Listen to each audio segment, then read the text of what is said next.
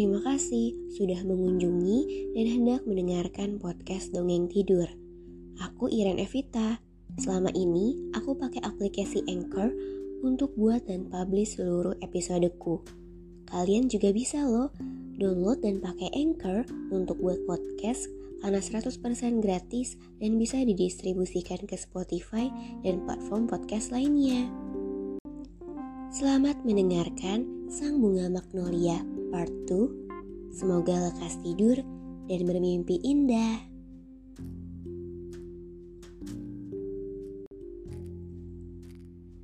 Setelah tiba bersama Vincent ke Dover, pria yang telah menggerakkan kaki Theo untuk keluar dari rumah mantan suaminya Richard di Chelsea, tiba-tiba Theo membaca sebuah koran yang membahas kehancuran Hobson, Jekyll, dan Lucas.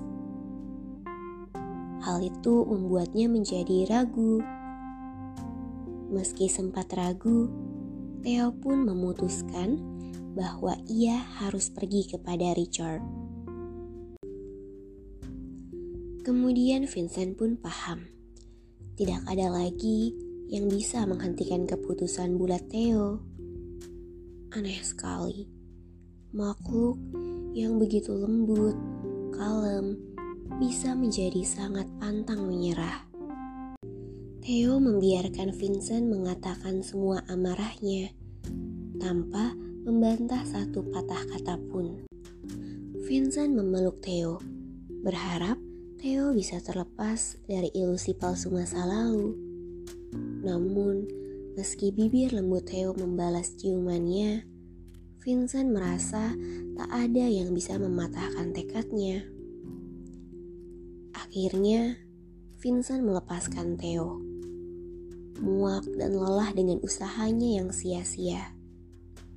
Usahanya memohon berubah menjadi kepahitan.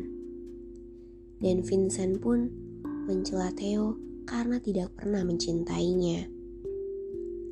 Pernyataan itu pun diterima Theo tanpa protes. Wajah Theo terlihat lugu, bodoh, dan menyedihkan, membuat kata-kata Vincent seolah bohong. Kemarahan telah sepenuhnya menguasai diri Vincent. Ia melemparkan setiap kata yang kejam yang terpikirkannya untuk melukai Theo. Hingga tak ada lagi kata yang terpikirkannya. Vincent duduk, tangannya ditaruh di atas kepala. Ia menatap kosong pada karpet merah. Theo pun berjalan ke arah pintu. Semuanya telah selesai. Theo berkata pelan, "Selamat tinggal, Vincent." Tak ada balasan dari Vincent. Pintu terbuka, lalu tertutup lagi. Richard Darrells tinggal di rumah di Chelsea, sebuah rumah tua dengan taman kecil. Tepat di depan rumah tumbuh pohon magnolia yang kotor, berlumut, suram. Meski begitu, ia tetaplah sebuah magnolia. Menatapnya beberapa lama. Kemudian, bibirnya memelintir mengutaskan senyum penuh rasa pedih. Theo berjalan ke ruang studi di belakang rumah. Di sana ada seorang pria berwajah tampan sedang berjalan mondar-mandir dengan wajah yang lesu dan jekung. Begitu pria itu melihat Theo, ia memberikan ekspresi lega. "Oh Tuhan, kamu kembali." Mereka bilang kamu membawa koper bersamamu dan pergi ke suatu kota. Aku mendengar berita dan kembali. Richard Darrell merangkul Theo dan membawanya ke sofa panjang. Mereka pun duduk bersebelahan. Theo melingkari lengan dan menaruhnya di pangkuan. Sebagaimana tata krama yang sempurna. Seberapa buruk Richard? Theo bertanya dengan tenang. Seburuk yang kelihatannya dan itu banyak. Beritahu aku. Richard berdiri dan mulai berjalan mondar-mandir sembari menceritakannya. Theo tetap duduk dan memperhatikannya. Di saat yang bersamaan, cahaya seisi ruangan meredup suara Richard mulai menghilang, dan kini cahaya dari ruangan lain muncul dalam benak Theo. Kamar Hotel Dover menjadi semakin jelas dalam benaknya. Meski begitu, ia tetap menangkap inti ucapan Richard. Selesai berbicara, Richard pun duduk kembali di samping Theo. Untungnya mereka tidak menyentuh kompensasi pernikahanmu. Rumah juga milikmu. Ucap Richard. Theo menganggukkan kepalanya untuk merespon. Kita masih punya itu, jadinya tidak akan terlalu buruk kan? Lanjut Richard. Begitulah. Ya. Balas Theo. Namun Theo yakin ada suatu hal lain yang belum diceritakan Richard. Ia belum memberitahu semuanya. Ada lagi Richard, sesuatu yang lebih buruk. Theo mencoba melembutkan nadanya. Buruk, apalagi? Entahlah. Semua akan baik-baik saja. Tentu saja semua akan baik-baik saja. Ucap Richard yang lebih seperti menenangkan dirinya sendiri daripada Theo. Apa pun yang terjadi, aku punya kamu kan? Ya, kamu memilikiku. Balas Theo dengan lembut. Mereka pun berpelukan. Namun setelah Richard bergumam, Aku memilikimu, Theo Lututnya menjadi lemas dan ia terjatuh ke lantai dan terduduk lemas di dekat kaki Theo. Aku letih sekali. Buruk. Aku tak tahu apa yang harus kulakukan jika kau tidak di sini, Theo. Pada akhirnya, istri seseorang adalah istri satu orang, kan? Theo tidak menjawab. Ia hanya menunduk sedikit Richard menaruh kepalanya di pangkuan Theo dan melepas nafas panjang seperti anak kecil yang kelelahan. Theo masih yakin ada sesuatu yang belum diceritakan oleh Richard, sehingga ia bertanya lagi sambil mengelus kepala Richard seperti ibu yang menenangkan anaknya. Namun, Richard hanya bergumam samar bahwa semua akan baik-baik saja dan Theo tidak akan meninggalkannya. Kemudian napas Richard menjadi semakin lambat hingga akhirnya ia tertidur. Tiga hari telah berlalu. Mereka sedang berada di ruang pakaian sebelum makan malam. Theo bertanya lagi, "Bukankah kamu sebaiknya memberitahuku segalanya, Richard. Richard terkejut dan wajahnya pun memerah, namun ia menepisnya. Aku tak tahu maksudmu. Kamu? Tentu saja ada detailnya. Aku harus tahu segalanya, Richard, agar aku bisa membantu. Bukankah begitu? Apa yang membuatmu berpikir aku ingin kau membantuku?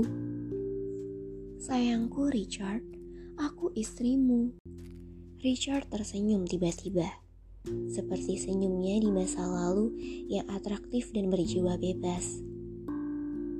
Ya, ya, itulah kamu, dan istri yang cantik juga. Aku tidak tahan dengan wanita jelek. Richard mulai berjalan mondar-mandir. Aku tidak mengelak tentang perkataanmu. Tentu ada sesuatu. Sulit sekali menjelaskan hal-hal ini pada wanita. Kau tahu, mengenai persepsi hukum tentang benar dan salah. Aku merasa melakukannya dengan sempurna dan jujur, tapi hukum tidak memandang sama sepertiku. Sembilan kali dari sepuluh, dan ketika yang ke sepuluh kali, kamu pun akan tertangkap. Theo mulai paham. Kenapa aku tidak kaget? Bukankah aku selalu tahu sebenarnya Richard bukan pria yang jujur. Ucapnya pada dirinya sendiri. Sementara itu, Richard menjelaskan semuanya tanpa terlewat satupun. Theo merasa penuh dengan seluruh detailnya. Permasalahannya menyangkut sebagian besar properti di Afrika Selatan. Meski Richard berulang kali meyakinkan Theo bahwa semuanya adil dan terbuka, namun secara legal, ia telah membuat dirinya bertanggung jawab untuk tuntutan pidana. Richard terus menatap sekilas dengan cepat pada istrinya selagi menjelaskan. Seperti anak kecil yang ketahuan dan takut dimarahi. Mungkin karena tatapan sini sesaat Theo, Richard menjatuhkan dirinya di kursi samping perapian dan menaruh tangan di kepalanya. Ia berbicara dengan putus asa. Begitulah Theo, apa yang akan kau lakukan jadinya? Theo terdiam sejenak. Kemudian mendatangi Richard dan berlutut di depan kursi.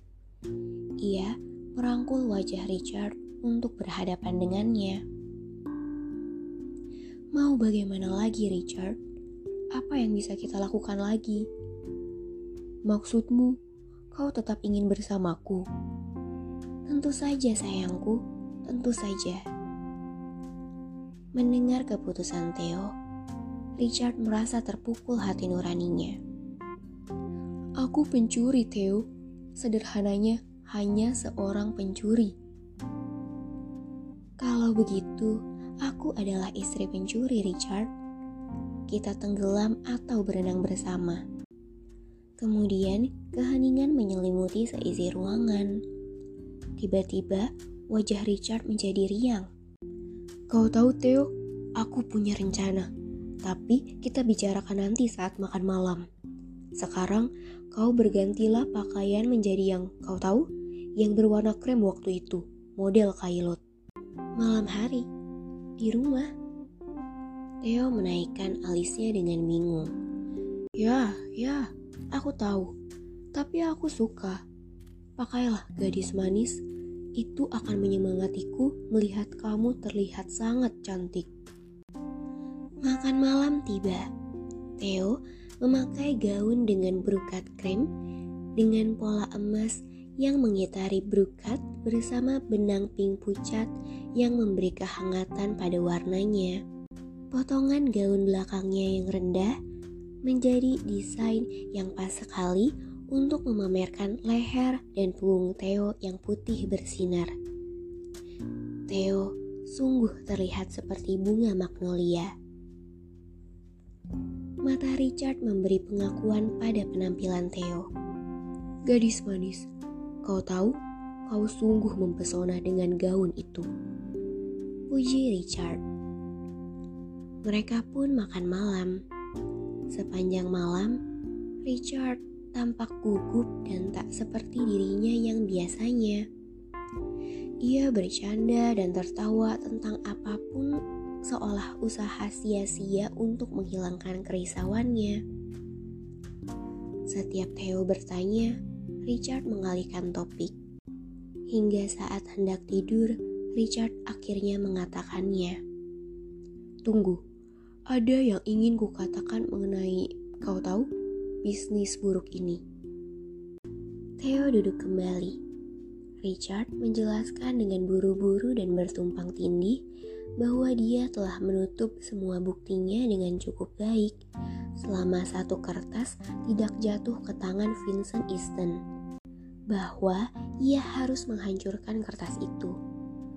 Dulu, Richard pun pernah meminta Theo untuk berlaku baik pada Vincent. Menurut Richard, Vincent tidak pernah menyukai Richard, namun Vincent menyukai Theo. Sehingga Richard menyuruh Theo mendatangi Vincent untuk mendapatkan kertas itu.